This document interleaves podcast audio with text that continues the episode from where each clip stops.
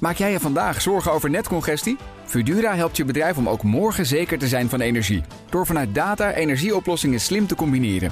Zo installeren we bijvoorbeeld een batterij om je extra opgewekte zonne-energie niet verloren te laten gaan. Kun jij onbezorgd verder met vandaag? Kijk op Fudura.nl.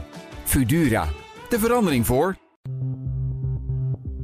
Maar ook daar uh, was het zo dat uh, ja, de heren verleid zijn eigenlijk om te kopen. En dat deden ze op het moment dat dat office center eigenlijk al ja, het best moeilijk had om zelf overeind te blijven.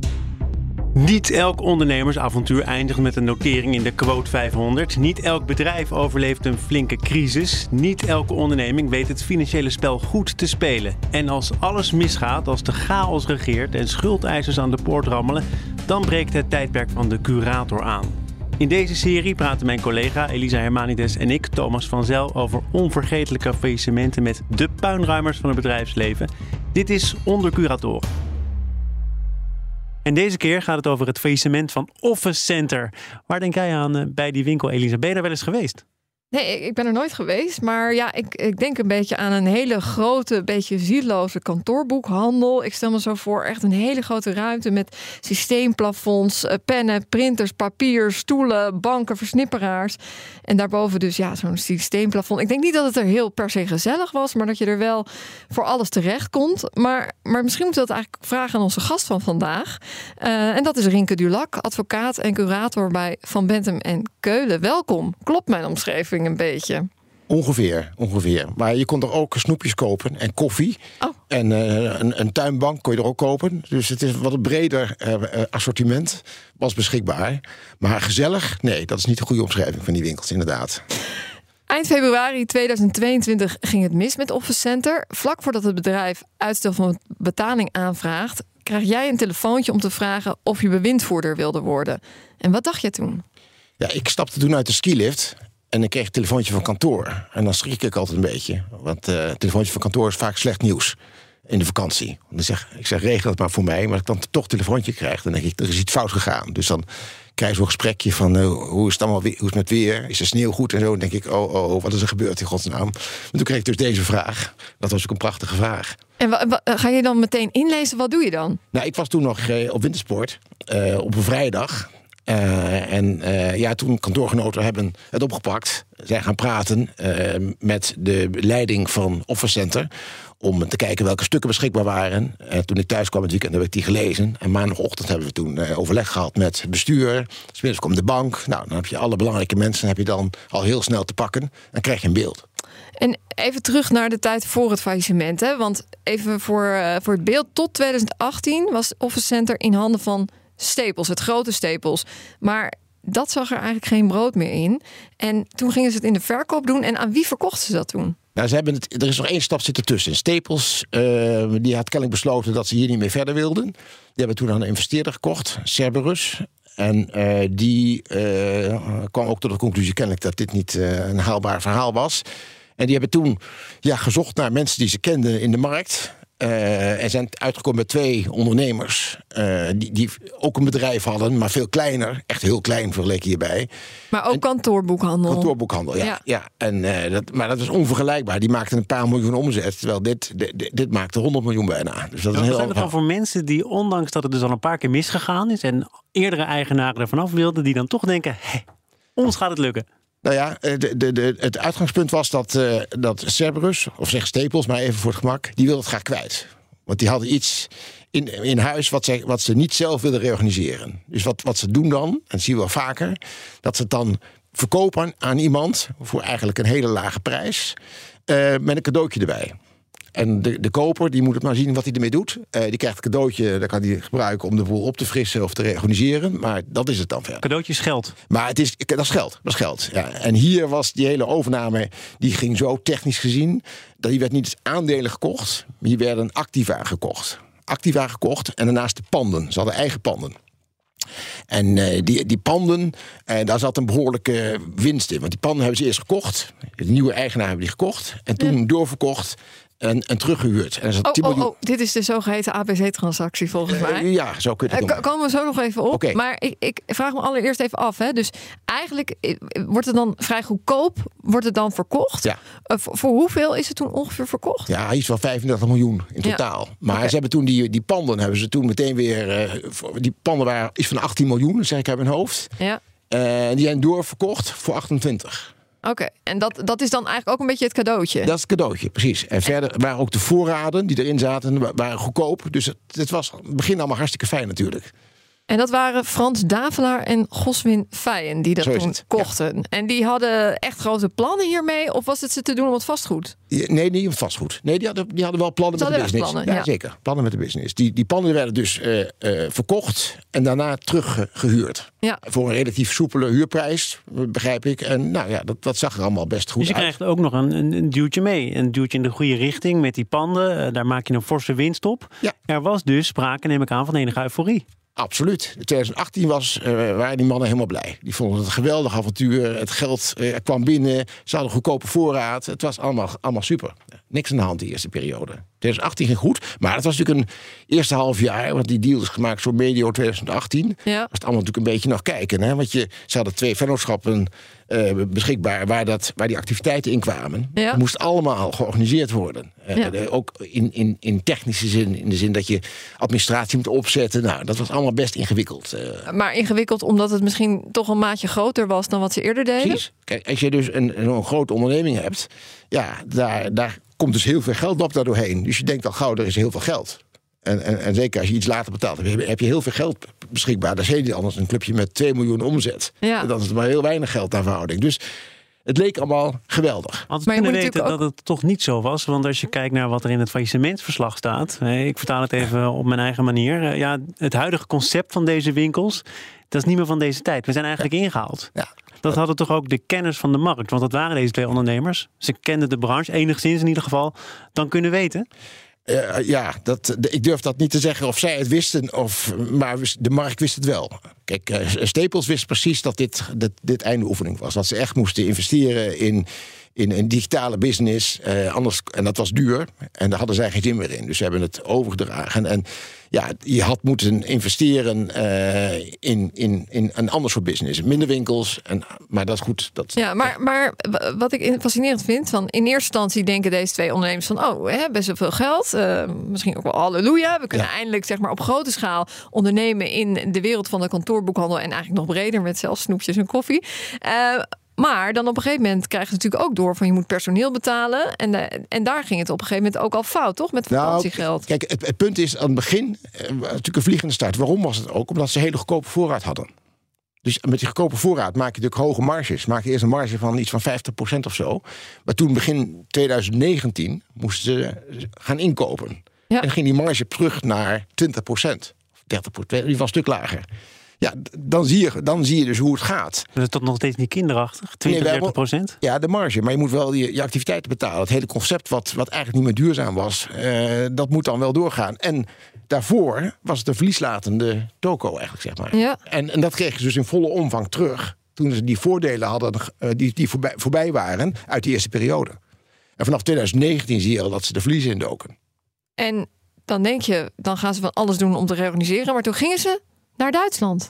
Ja, ze hebben toen eh, in 2019 een paar dingen gedaan. Ze hebben, punt 1 zijn ze sponsor, shirt sponsor geworden van FC Groningen. Oh ja, Nee, Daar- ja, ja, ja, ja. ja, jij legt helemaal op. Omdat Ja. ik dacht, waar ken ik dan Office Center van? Nou, van dat zij op dat shirt stonden van. FC Groningen in een goede tijd. Hè, want op een zeker moment kwam Arjen Robben terug. Ja. Het stond groot zo in alle kranten. En ik sprak toen de tijd met een sportmarketeer van mijn andere programma hier op BNR. En die zei, nou wat zullen ze blij zijn bij Office Center. Want iedereen zal nu weten dat zij FC Groningen sponsoren. Precies. Maar kost natuurlijk ook geld uiteindelijk. Hè? Ja, dat kostte een miljoen of iets meer. Maar dat was nog klein bier, maar wel, ja, dat vonden ze gewoon leuk. Nou ja, oké. Eh, maar dat is iets wat iedereen wist in Nederland, dat Office weer op de kaart stond. En eh, in de tweede helft van 2019 kwam oh, zeg maar Staples Duitsland op de markt. En dat was hetzelfde verhaal eigenlijk als, eh, als eerst. Staples wilde Duitsland kwijt.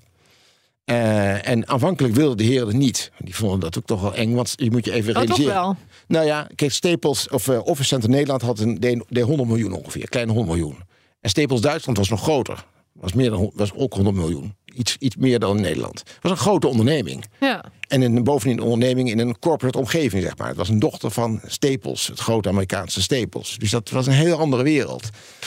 Maar ook daar eh, was het zo dat uh, ja, de heren verleid zijn eigenlijk om het te kopen.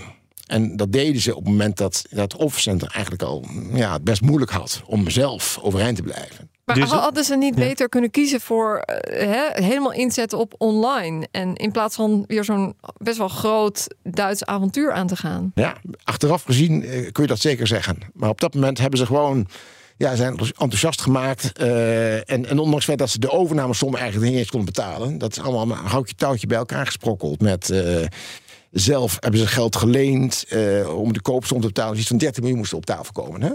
En er kwam iets van, heb ik net even bekeken, 9 miljoen is er betaald door de bank. Die heeft toen de lening opgehoogd.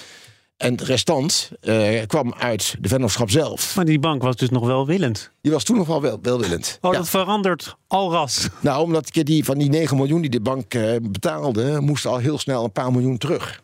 In datzelfde jaar al.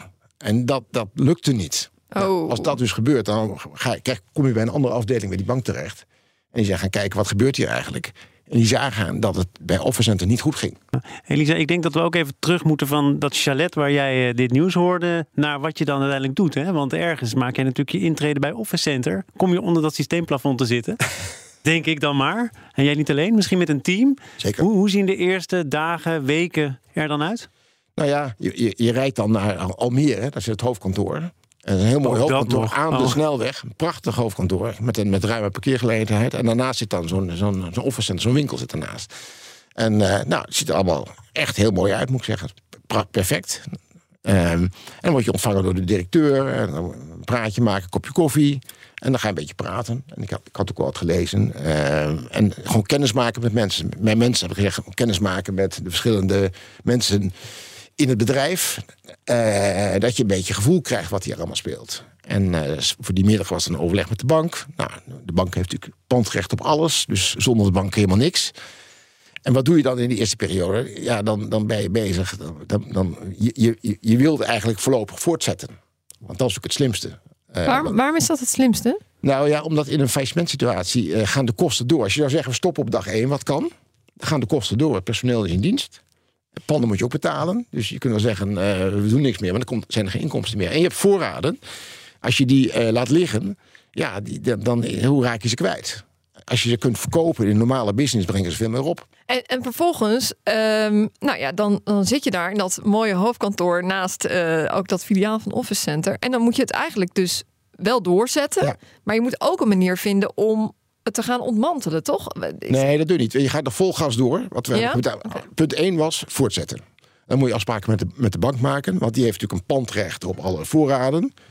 Daarnaast heb je mensen met eigendomsvoorbehouden. Nou, dan moet je gaan kijken. Als wij iets verkopen voor 100, wie krijgt wat daarvan? Dat was nu dag 1, de, de, de strijd met de bank van wie krijgt wat. Nou, dat is, dat is altijd zo. Nou, daar is een deal over gemaakt. Hoe die opbrengst verdeeld zou worden van de exploitatie. Ja, we gaan heel snel. Daar is een deal over gemaakt. Maar dat lijken me niet per se eenvoudige gesprekken. Nee, het was helemaal geen, geen eenvoudig gesprek. Daar maar gaan we nog moet even dieper op in. Nee, maar dat is een discussie natuurlijk. Die bank die vindt dat alles van hun is. En die willen eigenlijk de complete opbrengst. En wij zeggen, jongens, leuk allemaal. Maar je kunt alleen maar omzet maken van met jouw goederen, zogenaamd dan. Als mijn mensen, personeel, daar werkzaamheden doet. En je zit in ons pand, et cetera. Dus dat is dan de discussie. Hoe ga je dat doen? En Hoe kom je er een beetje netjes uit dan met elkaar? we zijn er goed uitgekomen. Maar het was wel een, eh, stevige discussie. Ja. Maar je hebt, geen ha- je, hebt geen, je hebt geen tijd. Want uiteindelijk als we geen deal maken...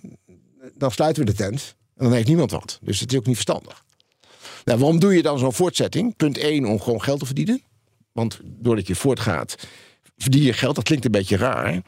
Maar eh, als je ervan uitgaat dat je die kosten altijd moet betalen... en het personeel heb je eigenlijk Zoals gratis... bijvoorbeeld eh, de, de, het gas en licht en zo. Dat Die moet je sowieso ook betalen. Die moet je sowieso Ja. betalen. Maar arbeid en huur hoef je even niet te betalen. Dus Ja. je hebt altijd een heleboel marge. Nou, Ja. dus, dus daar kom je eigenlijk meestal wel uit in dit soort dingen. Als, als er geen grote risico's zijn. En dit zijn natuurlijk relatief consumentengoederen. Business to business. Maar gewoon iemand iets koopt en betaalt. Ja. Dus dat is vrij makkelijk om daar geld mee te maken. En dat was ook zo. Het ging, de business ging gewoon door. Ehm, en dat, dat kun je maximaal doen een periode van zes weken. Want dan gaan de mensen uit dienst. En in die zes weken moet je zorgen dat je dan iemand vindt die het overneemt. Ehm, nou, dat, dat- daar is van alles voor gedaan. Ehm, maar kort en goed, al heel snel bleek dat dat eigenlijk niks werd. Want de partijen die het konden doen, die hadden er geen zin in. En dat, dat is dan ook wel een duidelijk signaal. Hoeveel, hoeveel mag jij eh, mededelen of kun jij mededelen in die korte tijd over de staat van het bedrijf of wat zo'n potentieel geïnteresseerde aantreft? redelijk wat. Kijk, je laat de voorraad inventariseren door bureaus die, daar, die dat dan precies weten. Je weet wat je koopt. Je weet ook wat de marge was in het verleden. Je kunt heel veel dingen doen. Eh, de- de- de- je hebt een redelijk pakket. Je kunt het verleden natuurlijk laten zien wat er, eh, wat er verdiend werd, wat de kosten waren. Dus de insiders kunnen heel snel schakelen en zien of dit een, eh, iets Nou, is. ik vraag het ook omdat ik een tijdje terug iemand anders sprak en die had ook een bedrijf overgenomen. Die zei: Ja, in dit soort situaties, je moet heel snel beslissen. Ja. Als je een andere overname doet van een gezond bedrijf, je bent zelf ook gezond, dan ben je maanden met elkaar in gesprek. Ja. En hier, als je zo'n noodlijdend bedrijf wel of niet gaat overnemen, is het toch een beetje een sprong in het diepe. Maar overnemen is niet hetzelfde als een normaal bedrijf overnemen. Hier zeg je van welke panden wil ik hebben. Je kunt precies zien per pand wat daar verdiend wordt. Je kunt zeggen welke voorraad wil ik kopen, wat wil je niet hebben. Dus welke, en je kunt, welke Wil mensen je wil je nog overnemen. personeel overnemen of Je niet? kunt alles kun je zelf kiezen. Dus je hebt een ideale positie eh, om eigenlijk een nieuw bedrijf te bouwen op de grondvesten van de oude. Maar in dit geval zag jij ook wel vrij snel dat dat niet ging lukken dus. Nou, de partijen die het hadden gekund, die, die haakten heel snel af. Die hebben even gekeken en die, nee, dit, dit is geen, niet, niet haalbaar. Toen bleven er kleinere partijen over van waar we al twijfels hadden of dat wat ging worden. Want waarom, waarom zou je dat dan eh, wel of niet doen, zo'n kleinere partij? Nou ja, je kijkt gewoon, is het, is het de moeite waard? En eh kleinere partijen. Uiteindelijk zijn we uit- uitgekomen, dat staat ook in de verslagen. En bij Staples, die, eh, die hebben goede zaken nog gedaan. Want Ja. het, moet het Staples Benelux is namelijk ook verkocht eh, aan dezelfde investeerder als uiteindelijk Office Center.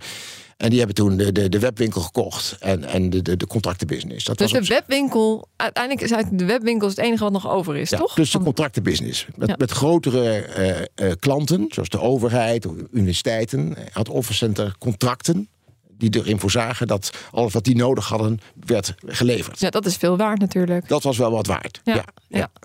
Oké. En ehm, hoe gaat het dan? Eh, hè, want we hadden het al even over de bank. Die heeft een speciale positie ten opzichte van andere eh, schuldeisers. Hoe zit dat in elkaar? De bank is gewoon schuldeiser, heeft gewoon geld geleend. Maar die hebben een pandrecht op alle, eh, alle zaken. Roerende zaken, dat is inventaris en dat is voorraad.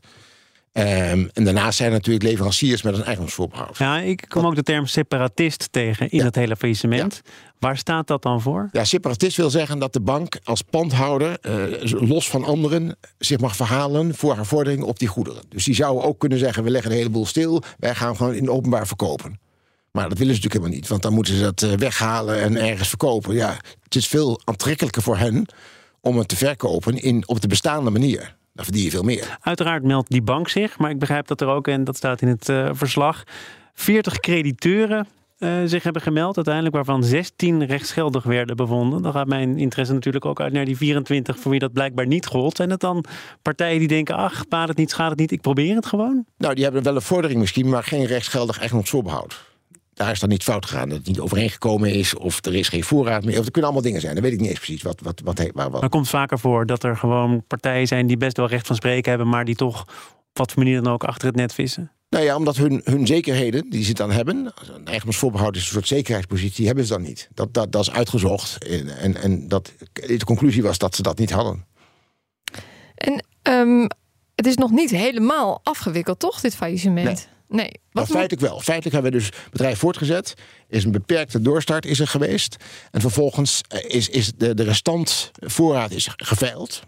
Die veiling was een succes wel, moet ik zeggen. en, en dat gaat via zo'n apart bedrijf, Ja, toch? Van, van Troostwijk? ja, of, ja, eh, ja. precies. Die hebben dat gedaan allemaal. Dus op zich is dat goed afgelopen. Ja. En eind juni... Wat levert dat dan op? nou, het heeft drie à vier miljoen euro opgeleverd. Maar de waarde is natuurlijk eigenlijk veel meer. Nou ja, je praat dan, kijk, in deze fase, kijk, eerst praat je over de inkoopprijs maal zoveel. En aan, aan het eind van de rit praat je over een percentage van de inkoopprijs. Weet je wel, dat is, dat is wel natuurlijk anders. Maar hier hebben we nog redelijk goed geboerd, moet je zeggen. En, en, maar wat ik begreep was dat er nog wel een eh, rechtmatigheidsonderzoek Ja. eh, wordt gedaan. Wat, wat, wat is dat precies? Nou, dat is een verplichting die curatoren hebben om echt te kijken wat is er gebeurd. Dus eerst kijken, wat, wat is nou de oorzaak van dit faillissement geweest? En dat betekent dat je met mensen praat, eh, stukken leest en probeert een idee te krijgen hoe het gelopen is. Nou, hier is toevallig heel erg veel gebeurd in die hele korte tijd. Ehm, wat, en met heel veel verschillende ideeën ook. Wat oorzaken zijn geweest. En nou, wij proberen daar nu uh, dat, dat, dat, daar een. Maar moet je dan kijken of het allemaal rechtmatig is geweest. Of dat mensen steken hebben laten vallen? Dat is een conclusie. Dat is een conclusie. Of, of, of je dat vindt eigenlijk. Maar je moet eerst weten wat er gebeurd is. Voordat je überhaupt uh, tot die conclusie maar kunt komen. Dat, dat weet jij toch inmiddels wel of niet? Uh, nee, hier, ik weet het eigenlijk niet of, of je dat kunt zeggen. Ook, ik kan eigenlijk niet. Ik wil, zou het niet willen zeggen, maar in dit geval kan ik ook uh, vrijuit zeggen dat ik het gewoon niet weet eigenlijk. Maar je kan, maar uh, houdt dit ook in dat je kijkt naar hoe die, die ondernemers, die Davelaar en Feijen hebben, hebben gehandeld eigenlijk? Ja. Ja. Maar kijk, normaal gesproken is natuurlijk een wat vaak gebeurt, is dat curatoren kijken naar kennelijk onbehoorlijk bestuur. Dan moet je onbehoorlijk bestuurd hebben, wat, wat geleid heeft tot een faillissement. Maar hier, wat hier gebeurt, is dat de heren die jullie noemden, ja. die, zijn, uh, die hebben het bedrijf is daarna nog overgenomen door, door Standard Investment. Een nieuwe, Ja. nieuwe, en die, dus ja. Er zit nog een stap tussen. Er zit nog een stap tussen. Ja, dus zij hebben het weer aan Standard Investments verkocht. Ja.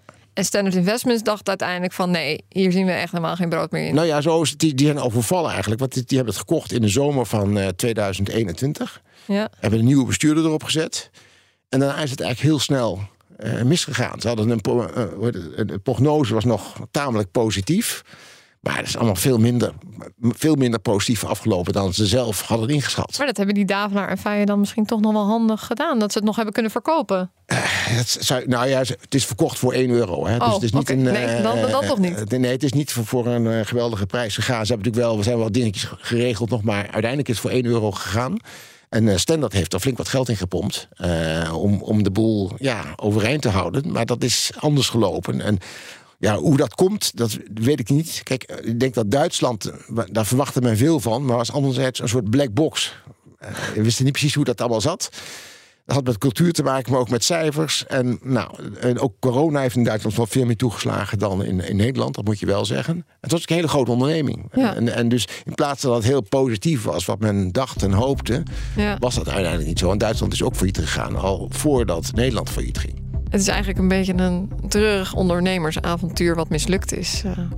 Mag je zeggen. Het is, het is niet fijn. Uh, en je zag bij Groningen, nou ja, toen, toen in, in februari eigenlijk, uh, los van, van vorig jaar, ja, werd het daar. De, de, relatie kwam op scherp te staan. En toen heeft Groningen afscheid genomen natuurlijk van uh, Center. Dat is, dat is een, een een beeldend hoe, hoe, dat gelopen is. De ontmanteling van Center. Dank, Rinke Dulac, advocaat en curator bij Van Bentem en Keulen. Dit was Onder Curatoren. Wil je meer reconstructies van faillissementen? Abonneer je dan via jouw eigen podcastkanaal of via de BNR-app. Dankjewel voor het luisteren. Maak jij je vandaag zorgen over netcongestie? Fudura helpt je bedrijf om ook morgen zeker te zijn van energie. Door vanuit data energieoplossingen slim te combineren. Zo installeren we bijvoorbeeld een batterij om je extra opgewekte zonne-energie niet verloren te laten gaan. Kun jij onbezorgd verder met vandaag? Kijk op Fudura.nl. Fudura, de verandering voor